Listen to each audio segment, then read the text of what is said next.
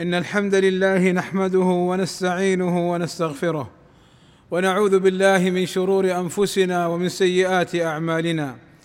من يهده الله فلا مضل له ومن يضلل فلا هادي له. وأشهد أن لا إله إلا الله وحده لا شريك له. وأشهد أن محمدا عبده ورسوله. ألا وإن أصدق الكلام كلام الله. وخير الهدي هدي محمد صلى الله عليه وسلم. وشر الأمور محدثاتها وكل محدثة بدعة وكل بدعة ضلالة وكل ضلالة في النار. أما بعد فاتقوا الله عباد الله كما أمرنا بقوله يا أيها الذين آمنوا اتقوا الله حق تقاته ولا تموتن إلا وأنتم مسلمون. عباد الله يقول الله عز وجل إن الله وملائكته يصلون على النبي. يا أيها الذين آمنوا صلوا عليه وسلموا تسليما. أي أن الله سبحانه وتعالى يثني على نبينا محمد صلى الله عليه وسلم بين الملائكة وفي الملأ الأعلى لمحبته تعالى له وتثني عليه الملائكة المقربون فاجتمع له ثناء العالمين العلوي والسفلي جميعا. وقد جاءت الأحاديث النبوية مبينة لفضل الصلاة على النبي صلى الله عليه وسلم. قال صلى الله عليه وسلم من صلى علي صلاة واحدة صلى الله عليه عشر صلوات وحط عنه بها عشر سيئات ورفعه بها عشر درجات فيستحب الإكثار من الصلاة عليه صلى الله عليه وسلم عموما ويوم الجمعة خصوصا. قال صلى الله عليه وسلم اكثروا الصلاة علي يوم الجمعة. وفي أي مكان صليت على النبي صلى الله عليه وسلم فإن صلاتك تبلغه كما قال صلى الله عليه وسلم حيثما كنتم فصلوا علي فإن صلاتكم تبلغني. ومن أكثر من الصلاة عليه صلى الله عليه وسلم فإن الله يكفيه ما اهمه قال رجل يا رسول الله أجعل ثلث صلاتي عليك؟ قال نعم إن شئت. قال الثلثين؟ قال نعم. قال فصلاتي كلها؟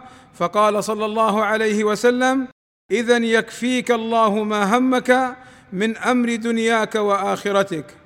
وتشرع الصلاة على النبي صلى الله عليه وسلم بعد الأذان كما قال صلى الله عليه وسلم إذا سمعتم المؤذن فقولوا مثل ما يقول ثم صلوا علي فإنه من صلى علي صلاة صلى الله عليه بها عشرا.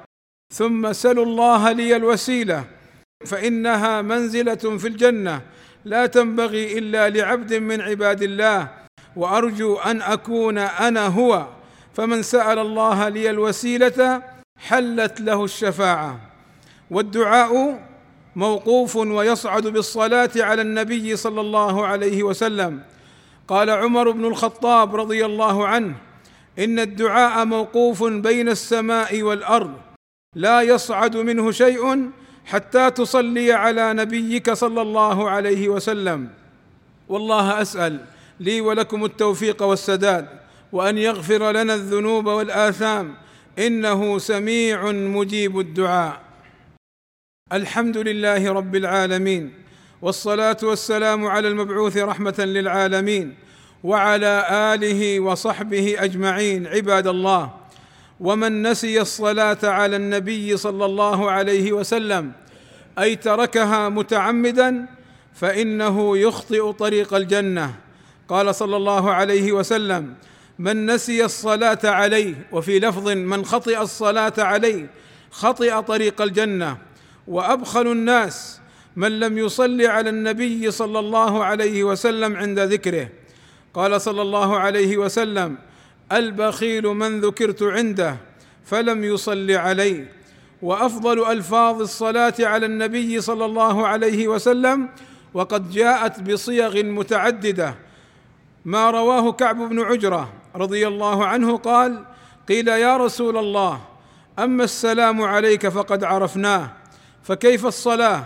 فقال صلى الله عليه وسلم قولوا اللهم صل على محمد وعلى آل محمد كما صليت على آل إبراهيم إنك حميد مجيد. اللهم بارك على محمد وعلى آل محمد كما باركت على آل إبراهيم إنك حميد مجيد.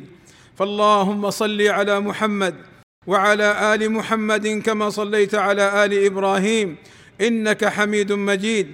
اللهم بارك على محمد وعلى آل محمد كما باركت على آل إبراهيم إنك حميد مجيد.